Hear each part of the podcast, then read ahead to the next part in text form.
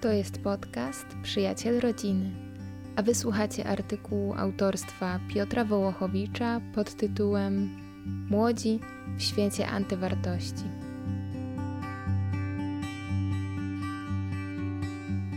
A wiedz o tym, że w dniach ostatnich nastaną chwile trudne. Ludzie bowiem będą samolubni, chciwi, wyniośli, pyszni, bluźniący, nieposłuszni rodzicom, niewdzięczni, niegodziwi, bez serca, bezlitośni, miotający oszczerstwa, niepohamowani, bez uczuć ludzkich, nieprzychylni, zdradzieccy, zuchwali, nadęci, miłujący bardziej rozkosze niż Boga.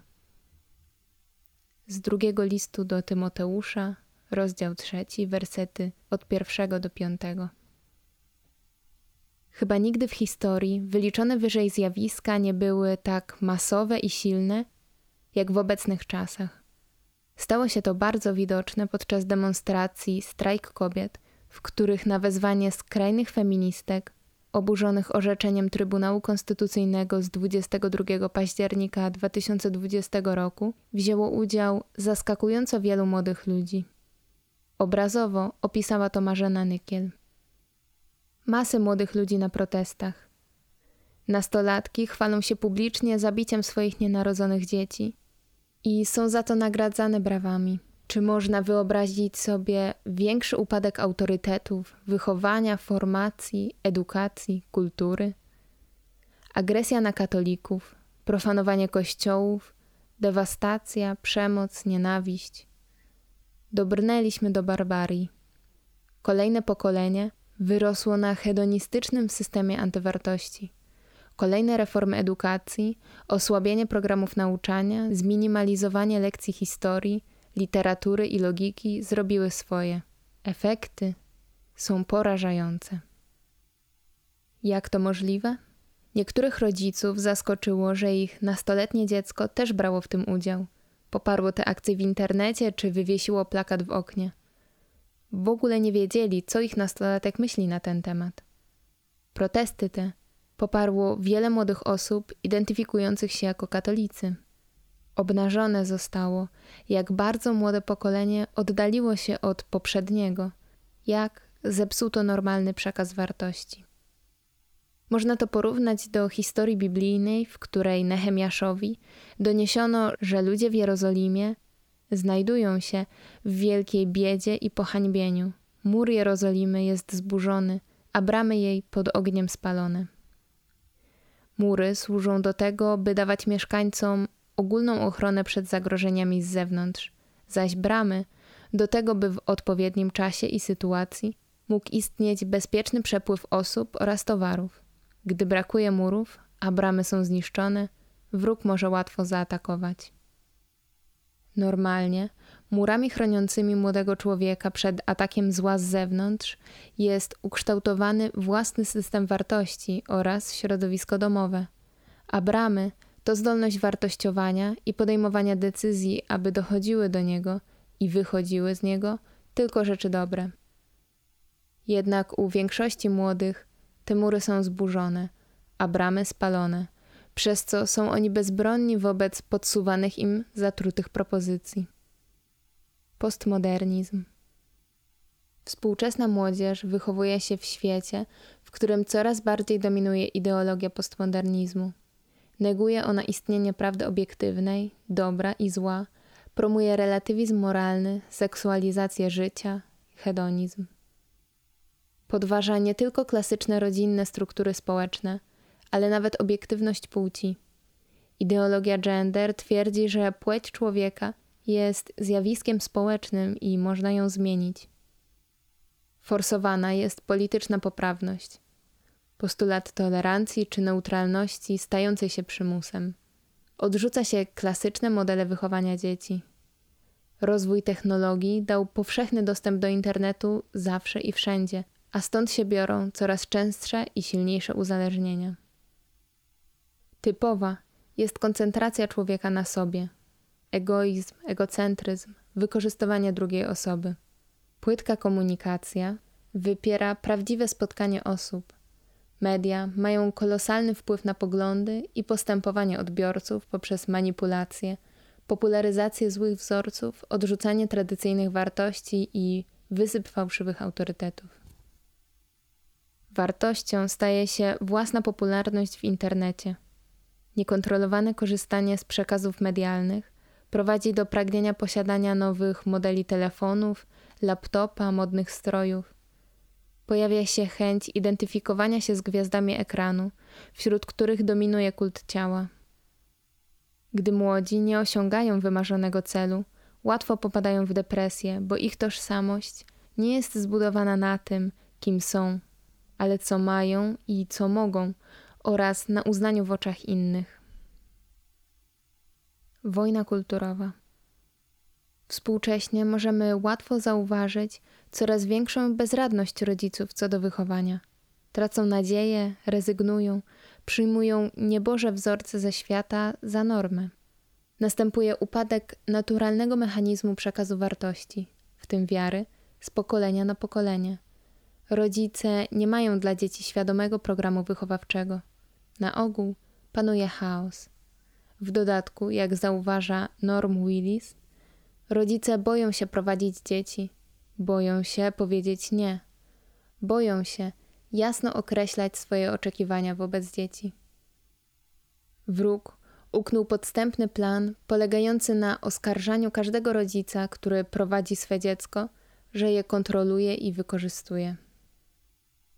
Opisywane problemy nie powstały przypadkiem, ale są one rezultatem wojny kulturowej prowadzonej przez środowiska neomarksistowskie od kilkudziesięciu lat. Jako narzędzie do tego zaproponowano długi marsz przez instytucje, czyli stopniowe uzyskiwanie pozycji wpływu przez przedstawicieli tej ideologii. Marzena Nykiel w znakomitej książce Pułapka Gender wskazuje, że ostatecznym celem przewrotu jest zniszczenie tradycyjnego systemu wartości, norm kulturowych, światopoglądu, relacji społecznych i instytucji funkcjonujących w zdrowym państwie.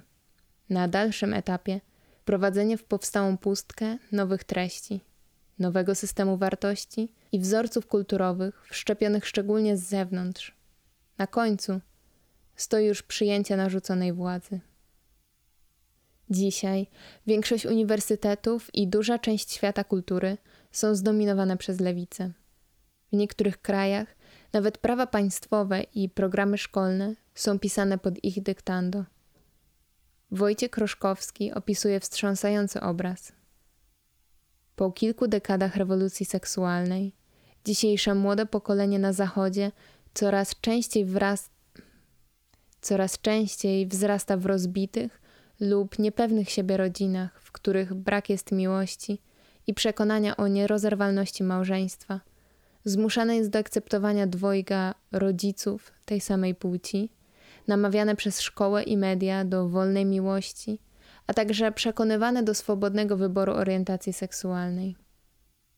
Czy można się dziwić, że ci młodzi ludzie uciekają w skrajny indywidualizm, w wirtualną nierzeczywistość czy narkomanię? Że tracą zdolność do normalnych relacji z rówieśnikami? Obce koncepcje wychowawcze budowane są na tle ideologicznym. Polityczna poprawność, tolerancja, gender, antyautorytaryzm.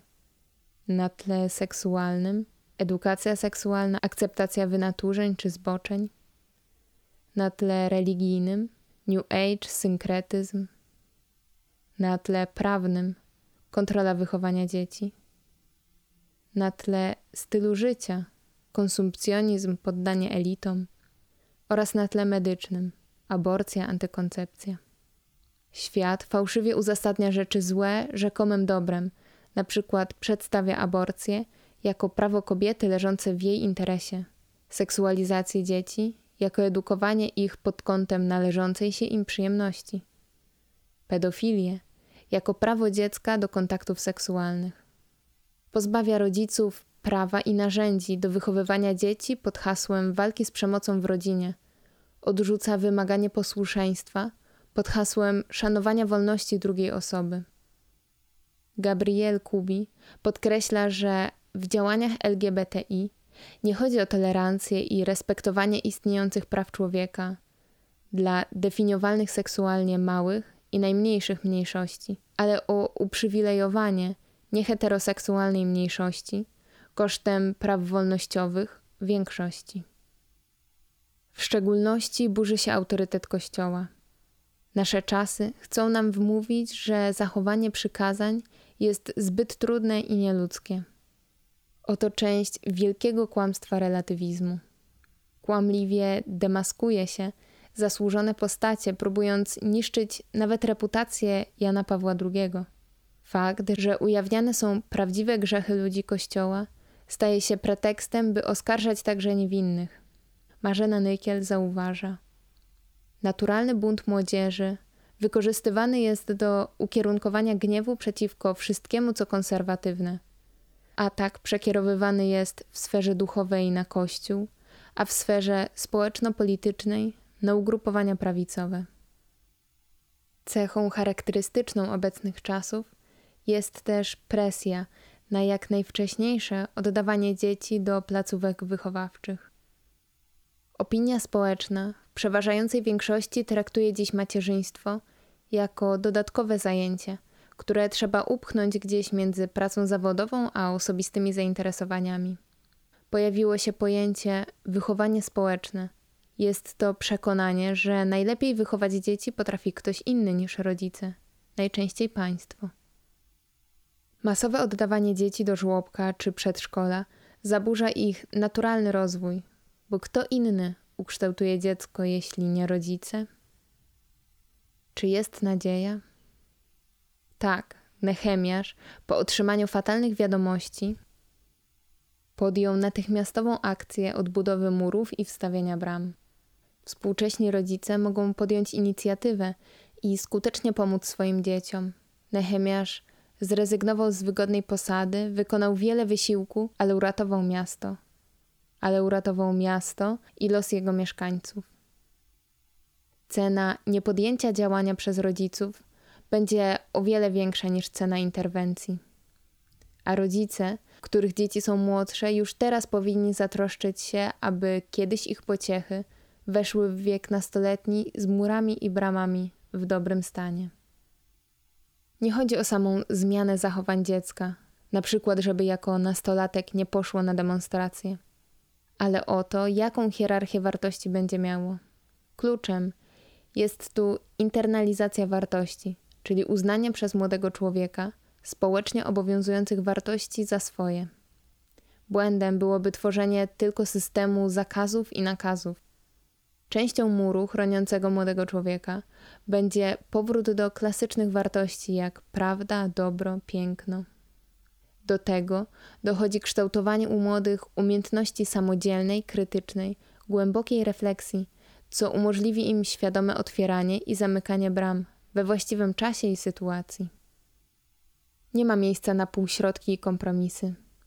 Kluczowe elementy, których rodzic sam potrzebuje i które powinien kształtować u dzieci, to mądrość, odwaga, jednoznaczność.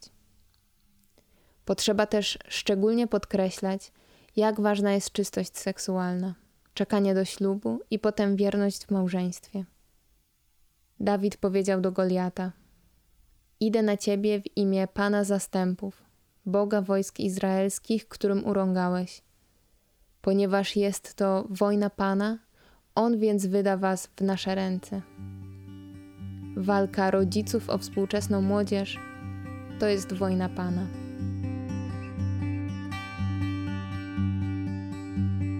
Tekst autorstwa Piotra Wołochowicza, doktora teologii pastoralnej, razem z żoną świętej pamięci Mariolą, od 1992 roku prowadzili fundację Misja Służby Rodzinie oraz napisali kilkanaście książek o małżeństwie i rodzinie.